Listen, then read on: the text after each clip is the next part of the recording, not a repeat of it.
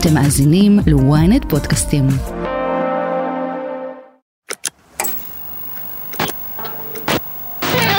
אוקיי. תגידו, יש לכם כבלים? לחצתם פעם ערוץ 178 או 108 בשלט? Hello there, I'm Laura Kyle. This is Al Jazeera live from Doha. Also coming up. כנראה יצא לכם פעם לזפזפ בטעות או בכוונה ולהגיע לערוץ אל-ג'זירה בטלוויזיה.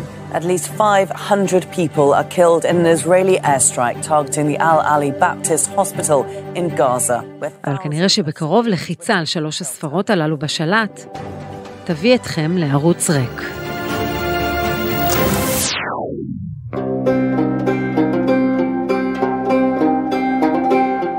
על פי התוכנית של משרד התקשורת, פקחים של משרד התקשורת ושוטרים יסגרו את משרדי אל-ג'זירה, יחרימו את המצלמות וכל מה שרלוונטי לשידור. ברמה הרגולטורית, ערוציה יוסרו מיידית מהוט ויס. אף אחד מעובדי אל-ג'זירה לא ייעצר, אבל יש כוונה ברורה לשלול את תעודות העיתונאי של עובדיה. אז מי זו בכלל רשת אל-ג'זירה? ולמה הם לא גוף תקשורת עצמאי וחופשי, כמו שהם היו רוצים להציג את עצמם? אני שרון קידון, וזאת הכותרת. אוקיי, okay, מה בעצם קורה? הסיפור הוא כזה, הרשתות הבינלאומיות פחות מעניינת אותם מסה של ההמונים שיצפו בהם. החוזקה שלה היא בעצם היכולת שלה לשדר לאליטה הגלובלית. זה פרופסור טל סמואל עזרן. ראש התוכנית הבינלאומית לתקשורת אה, בבית ספר סמי עופר באוניברסיטת רייכמן.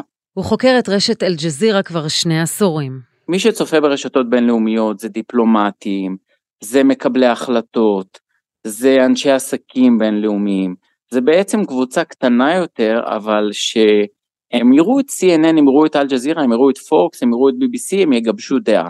עצם זה שאל-ג'זירה נמצאת ברפרטואר הזה של הרשתות האלה, ואתה בעצם תבוא ותגיד, טוב יופי, ראיתי, הבנתי מה פוקס אומרים, עכשיו בוא נראה מה אל-ג'זירה אומרים, והם נמצאים שם ויש להם את אותה לגיטימציה של פוקס, זה בעצם החשיבות המרכזית שלהם, פחות המספר, יותר האיכות, האיכות העצומה של אליטה גלובלית שצופה בהם.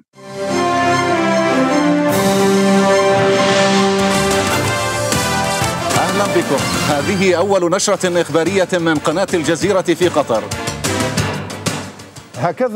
אז בוא נתחיל עם טיפה היסטוריה, מתי קמה רשת אל-ג'זירה? הרשת קמה ב-15 בנובמבר 1996, בעצם על ידי האמיר של קטר, ששנתיים שלוש אחרי שהוא עשה הפיכה נגד אבא שלו, והוא בעצם עשה מודרניזציה רצינית מאוד למדינה, בגם הרבה תחומים אחרים. אבל הוא הבין שכדי שקטאר, שהיא מדינה קטנה ועשירה, לא תהיה באותו מצב של כווית, שהייתה צריכה לקחת משרד יחסי ציבור בארצות הברית אחרי שסדאם חוסיין פלש אליהם, בעצם צריכה מגפון אדיר משלה. וזאת הייתה המוטיבציה המרכזית שלו.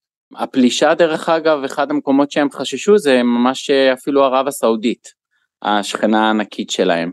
וממתי הרשת משדרת בישראל, ומה המטרות שלה בעצם כשהיא מגיעה לישראל? אז הסיפור הזה הוא סיפור מאוד מעניין. בעצם אחרי אוסלו, שמעון פרס עשה צעד די גדול, ובעצם התחלנו יחסים דיפלומטיים עם קטאר. קטאר שיחקה משחק מאוד מאוד חכם, שבעצם בזמן האינתיפאדה השנייה הם השאירו שני נציגים של ישראל בתוך כל האינתיפאדה השנייה, ואנחנו לקחנו את זה כמשהו שהוא בעצם צעד ידידותי ולא יכולים לאבד ידידות באזור שלנו, ובעצם אפשרנו לאל-ג'זירה לשדר כל האינתיפאדה השנייה עם גישה להכל. הם בעצם עבדו עלינו, איפה אנחנו ראינו את זה, אחד המקומות שראינו את זה, זה אתם בטח זוכרים את השם מוחמד א-דורה, אותם התמונות האלה, בעצם מי שהפיץ את הסיפור הזה בעולם זה היה אל-ג'זירה. Almost nine years ago, Mohammed Al Dura became an icon of Palestinian suffering when he was shot dead in Gaza in 2000. The pictures of a terrified boy crouching behind his father, trying in vain to shield him from gunfire, became a symbol of the Second Intifada. בסופו של יום הרשתות הערביות אה, לא, להם, לא הייתה להם השפעה גדולה עד אה, בעצם אה, הגעתה של אל-ג'זירה. מוחמד א-דורה זה לא תמונות של אל-ג'זירה, אבל אלה תמונות שבעצם ישראל הייתה בדרך כלל מצניעה, ילד שאבא שלו גונן עליו, אני חושב שהוא נשאר בזיכרון הקולקטיבי הבינלאומי, אבא שלו גונן עליו, והוא מקבל כדורים משני הכיוונים, ישראל אומרת שזה הפלסטינאים ירו בו, הפלסטינאים אומרים שזה אנחנו, ובעצם אה, מה שאלג'זירה הראתה לנו, זה שהיא בעצם בליגה של CNN ו-BBC והם הפיצו את התמונות האלה לכל העולם, וכל האינתיפאדה השנייה בעצם אה, אל-ג'זירה היה להם גישה מלאה לישראל, עד 2008 הם יכלו, הם עשו כל דבר שהם רצו, כשאנחנו גירשנו את כל הרשתות הערביות האחרות, הם בעצם היו, אה, הם קירבו אותנו, אנחנו קרבנו אותם, האינטרס שלהם מול ישראל הוא גם מאוד מעניין ומאוד נרחב, כשאנחנו חושבים על זה, בעצם לעולם הערבי והמוסלמי, אין המון דברים שמשותפים להם כמו השנאה לישראל. בעצם אל-ג'זירה נמצאת בפיק רייטינג מתי שהם משדרים על ישראל, כי זה משהו שמאחד את כל הצופים שלהם, הסונים והשיעים ואלה שנמצאים בדרום מזרח אסיה ואלה שנמצאים במזרח התיכון וכולי וכולי. אז האינטרס שם הוא מאוד מאוד גבוה. כשאנחנו מסתכלים היום על אל-ג'זירה כרשת שהקטרים בעצמם מנהלים מערכת יחסים מורכבת עם המערב, מה בעצם המטרות של הרשת? השורה התחתונה של הרשת זה לבוא ולקדם את האינטרסים של קטאר. מדינה שבשטח היא חצי ממדינת ישראל, המון המון המון כסף, יחסים מאוד מאוד מורכבים. המחקר שעשיתי היה בעצם לבוא ולבדוק שמונה שנים את מערכת היחסים בין קטאר לערב הסעודית, ובעצם להסתכל על האאוטפוט של אל-ג'זירה, והראיתי אחד לאחד שככל שערב הסעודית וקטאר מתקרבות, אל-ג'זירה מפחיתה את הביקורת שלה נגד ערב הסעודית. בעצם כלי מאוד מאוד מאוד חזק אה, דיפלומטי. עכשיו האינטרסים של קטאר הם מאוד מאוד מעניינים, כי בעצם מצד אחד היא מדינת מפרץ, מצד שני הם בעצם אה, חולקים אה, בארות של גז ונפט עם איראן, אם מסתכלים על המפה. אז uh, היא בעצם משרתת את כל האינטרסים העדינים שלהם, זה השורה התחתונה שלה. הטענה של פוליטיקאים שלמעשה מדובר ברשת תומכת חמאס, היא טענה נכונה? כן, ו... אבל בעצם יש להם לגיטימציה לזה. זאת אומרת, הם מראש מגיעים לעולם עם האלמנט הזה של הם כמובן פרו-ערבים. הם כן משחקים באל-ג'זירה באנגלית את המשחק הכפול ש... הם עומדים אה, בנורמות של המדיה המערבית. זאת אומרת, הם כן כמעט תמיד ישדרו מנקודת הראות, אבל הם אומרים, טוב, מה אתם רוצים? גם פוקס הם, הם רשת רפובליקנית ו-CNN הם רשת ליברלית. המחקר האחרון שלי, יחד עם אה, דוקטור אה, אילן מנור מאוניברסיטת בן גוריון, מראה שהם עומדים באותו ליגה, באותו קליבר, מבחינת החשיבות שלהם אנחנו בדקנו איזה שגרירויות בעולם עוקבות אחרי איזה רשתות בינלאומיות, הם בקליבר של CNN ו-BBC היום. הם יותר אה, עוקבים אחריהם בטוויטר מאשר Sky News, מאשר פוקס אה, ניוז. פחות משנה מה אני אגיד כאן ומה אנחנו חושבים, יותר משנה מה הלגיטימיות שלהם בעולם והלגיטימיות שלהם בקרב הצופים הליברליים בעולם היא, היא באמת מה top 3, אה, אולי top 5.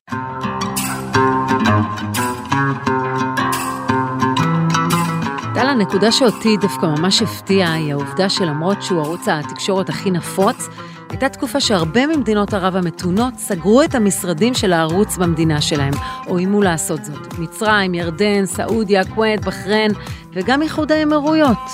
הם בעצם אה, כל פעם אה, עשו אלמנטים שממש הם ביקרו את השלטון, הם אה, בתוכניות טוקשו שלהם, בצורה מאוד מאוד חזקה, ואז מצרים, שיש לקטר מערכת יחסים מאוד מאוד מסועפת איתה, נקרא לזה ככה, אז למשל חוסני מובארק הגיע למשרדים של אל-ג'זירה, זה סיפור מפורסם, ואז הוא אמר, מה, כל הרעש מהקופסת גפרורים הקטנה הזאתי, כאילו כל זה הופך את כל העולם, ובעצם כל דבר כזה ש... מדינה כזאת באה, סוגרת להם שגרירות, אחר כך פותחת חזרה, הם אומרים, הנה תראו, זה בדיוק הסיפור. כל הסיפור שלהם זה כשאנחנו נסגור להם עכשיו את המשרדים, אז הם יגידו we must be doing something right. הם בדרך כלל משחקים את המשחק שהם אומרים רגע אם גם מדינה סונית וגם מדינה שיעית סגרו ושניהם אומרים שאנחנו בייס אז אנחנו עיתונאים מעולים. הם בעצם משחקים משחק בדיוק על זה. כל פעם מדינה ערבית סוגרת הם אומרים הנה אתם רואים שאנחנו עושים את העבודה שלנו. למה הם סוגרים? בגלל שאנחנו מפחידים אותם. אבל יש לנו לגיטימציה. אז מבחינתם זה דווקא משרת להם את האינטרסים כשמדינה עושה את זה כי הם אומרים הנה תראו אם אה, גם אה, המדינה הזאת וגם המדינה הזאת שניהם אומרים שאנחנו לטובת הצד השני אז אנחנו מסודרים ובמקרה של ישראל על אחת כמה וכמה. זהו כי אם אנחנו הולכים לארצות הברית אתה התייחסת בעבר במחקר שלך לסיקור של ארה"ב במלחמת אפגניסטן באל-ג'זירה. אה, גם האמריקאים טענו טענות דומות כטענות שלנו. נכון מאוד ועדיין מה שבעצם אני בדקתי זה כמה פעמים הם מופיעים ב-ABC, CBS, NBC, Fox ו-CNN ורואים שהם בעצם אה, חלק מה, מהמשחק הזה אז מצד אחד ראיינתי כתב של אל-ג'זירה שאומר שאף אחד לא מבין מה ההבדל בינם לבין אל-קאעידה בארצות הברית ומשאירים להם הודעות שנאה. אה, ומהצד השני העוצמה שלהם בקרב ליברליים, בקרב אתרים אלטרנטיביים, כל הזמן מתגברת בדיוק בגלל הדברים האלה. אז בוא נדבר על המשמעות של סגירת הערוץ הזה בישראל. אחת היא טענה, טענה, אה, בוא נגיד עניינית, שטוענת שכאשר משדרים מהשטח, מסגירים אזורי כינוס של צה"ל וכולי, וטענה שנייה לגבי הנרטיב, הקול שהם משפיעים. ואת הקול הזה אי אפשר להפסיק להשפיע, אפשר אולי למנוע מהם גישה למקומות מסוימים, אבל הקול יכול לעבור גם באינטרנט, ולא צריך בשביל זה להיות אה, עיתונאי רשמי בשביל אה, לדווח על הארץ. הסיפור הזה של לצנזר את אל-ג'זירה, הוא ישן עוד מימי גלעד ארדן אה, ורצה להוריד את הערוץ, את הערוץ הזה ב-yes אה, בזמן אה, מבצעים. הדבר הזה בעצם הוא יותר פוליטי, הוא יותר בשביל המורל שלנו, הוא ממש ממש ממש כמו שאמרת סמלי ומבחינתם עכשיו כבר אם קראתי כותרות לפני שדיברנו אז כבר אתם רואים את כל הארגונים למען דמוקרטיה בעולם עושים מזה הון פוליטי ופתאום יש להם כותרת ולאלג'זירה יהיה כותרת ומבחינתם זה שישראל מצנזרת אותם אה, רק בעצם מראה שאנחנו רואים בהם קול שהוא אה, משמעותי, שהוא מפחיד. חיצונית אני לא רואה איך אה, זה יתרום לישראל, איך אנשים יגידו וואו, כי יש לערוץ הזה, במיוחד לאלג'זירה באנגלית, לגיטימציה בינלאומית בקרב קהלים ליברליים, שכמו שאמרתי, אה, אה, היא, גדולה יותר משל פוקס. הם באמת בליגה של CNN ו-BBC, לפי כמעט כל, כל קריטריון שאי פעם בדקתי.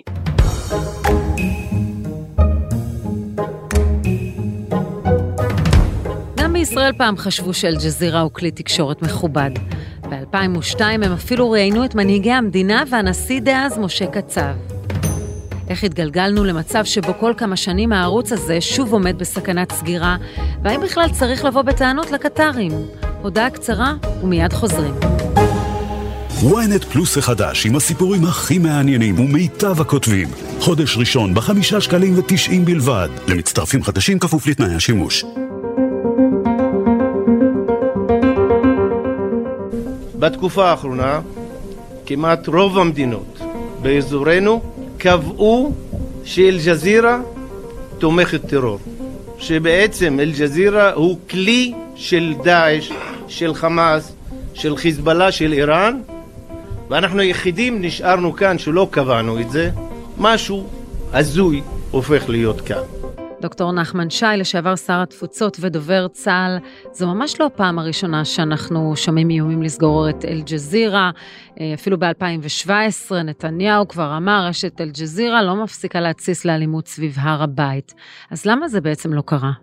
אל-ג'זירה מטרידה אותנו בעיקר ברגעי מתח, כשמתחממים פה, כשהאזור מתחמם ואז השידורים שלה מתחממים בהתאם. אה, ואנחנו אוהבים את זה. זה לא קרה כי לישראל יש אה, מעצורים טבעיים אה, של מדינה דמוקרטית, שחוששת לסגור פעילותו של ערוץ תקשורת כלשהו, כולל אל-ג'זירה לצורך העניין. זו לא החלטה פשוטה, בוא נגיד ככה, ו... ולכן ההצעה עלתה וההצעה ירדה, יכול להיות שלא היה לה גם בסיס חוקי מספיק, בכל מקרה אל-ג'זירה פה והיא משדרת מישראל. העובדה שבאל-ג'זירה יש כתבים שהם ערבים, גם ישראלים, אבל גם פלסטינים, שמטבע הדברים יש להם הזדהות גבוהה, זה, זה מקשה על מי שצריך לבוא איתם במגע ולספק להם אינפורמציה, לשתף איתם פעולה? כן, אבל בואו בוא לא, בוא לא ניתן שרון, הם לא הערוצים המפונקים אה, במדינת ישראל, הם מקבלים, אני מניח, אותו שירות שמקבלים הרבה מאוד כלי תקשורת אה, שמשדרים מישראל, כתבים אה, או צוותי טלוויזיה, אירועים רשמיים וכן הלאה, הם מסתובבים בארץ עם תעודות עיתונאי, שזה נותן להם איזשהו מעמד רשמי, אבל הם לא בוא, נכנסים לבסיסים צבאיים וכדומה, אני מניח שבנושאים האלה הם, הם יותר מוגבלים. עוד פעם, אי אפשר, אי אפשר למנוע, אם הפלסטינאים האלה אין להם שום רקורד ביטחוני ששב"כ שם עליו את ידו, אז מה הם שונים מפועל שנכנס הבוקר לעבודה בישראל? אותו דבר. אבל השאלה כמערכת, לתפיסתך, כמי שהיה דובר צה"ל לשעבר, צריך לשתף איתם פעולה. ראינו בעבר גם בכירים בפוליטיקה, גם אנשי צבא, מתאם פעולות הממשלה בשטחים, מדבר איתם, מתראיין. האם צריך להכיר בהם, לשתף איתם פעולה, או להבין שאין לנו סיכוי לשנות את הנרטיב? אני לא התראיינתי אף פעם באל-ג'זירה, בשום תפקיד שלי. אני לא רוצה להופיע שם. אני יודע שזו רשת אנטי-ישראלית. אה, לדעתי צריך לתת להם את המינימום שבמינימום, נכון, יש גישה שאומרת, אל תוותר על אף במה, ואם הם כל כך עוינים, ואולי, ותשמע שם איזה מילה בעד ישראל, אז הנה, בכל זאת הצלחנו להגיע ללב האויב. אבל לא, אין לזה סיכוי. הערוץ הזה מטבעו הוא ערוץ אה, מסית, ערוץ אה, תוקפני, וערוץ שיש לו השפעה, השפעה על קהלים רחבים בעולם הערבי בכלל, וגם בציבור הפלסטיני.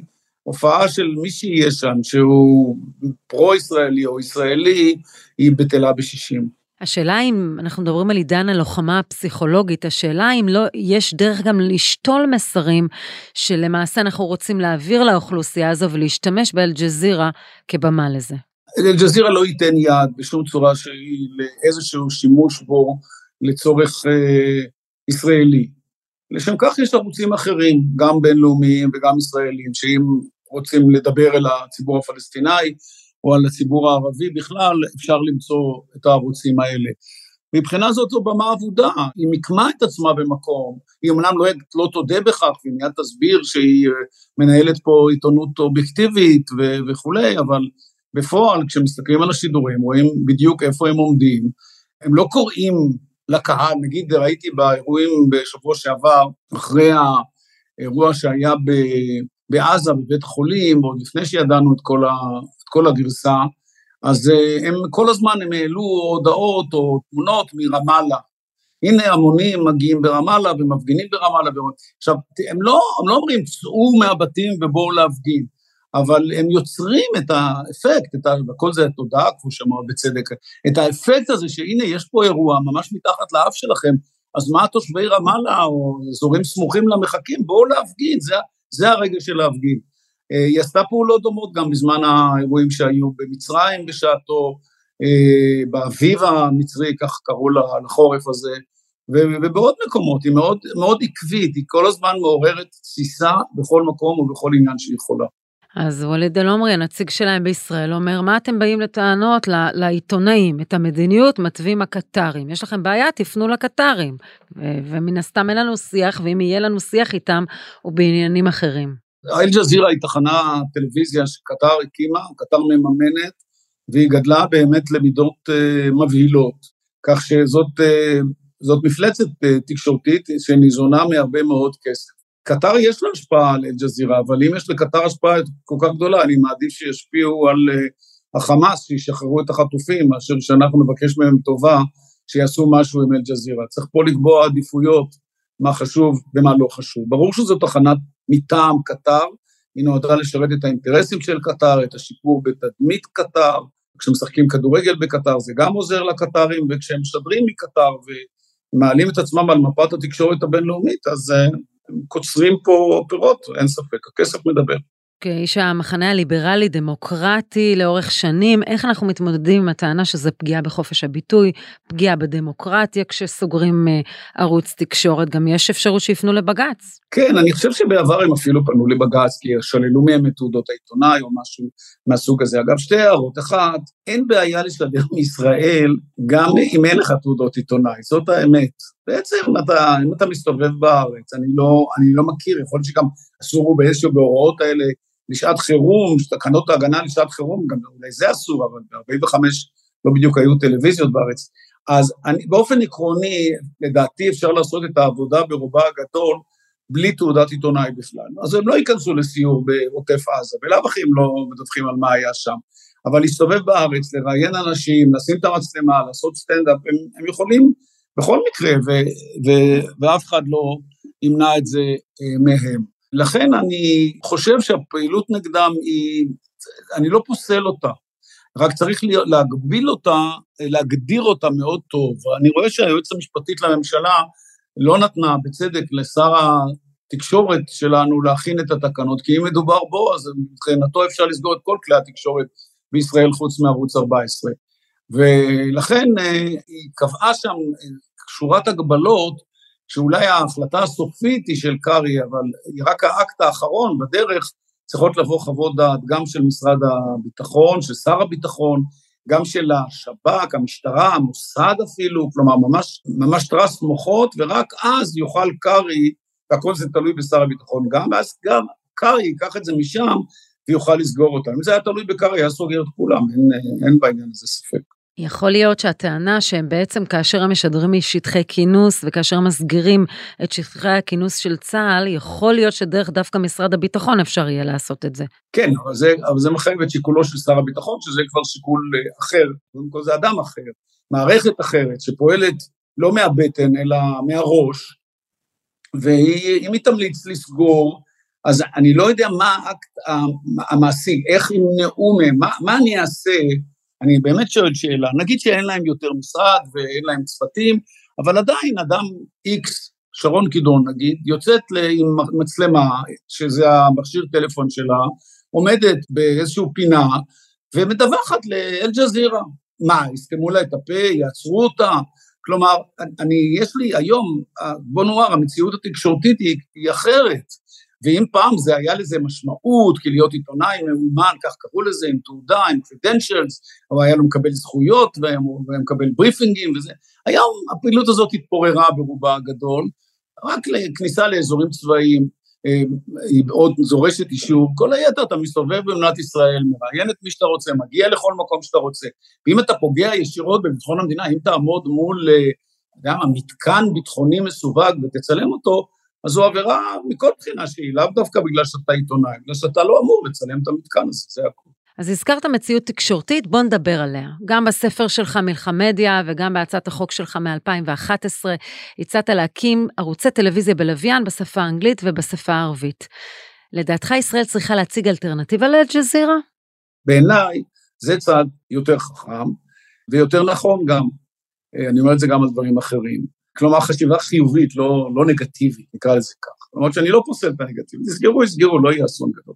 אבל העניין הוא שאנחנו צריכים לוודא שבכל הקהלים שסביבנו, הלא ישראלים, קהל דובר ערבית, קהל דובר אנגלית, קהל דובר צרפתית, ויש כבר רשתות רבות כאלה בעולם, שמשדרות 24 שעות בשפות אחרות, בצרפתית, באנגלית, בגרמנית וכדומה, אנחנו צריכים להיות בזירה הזאת.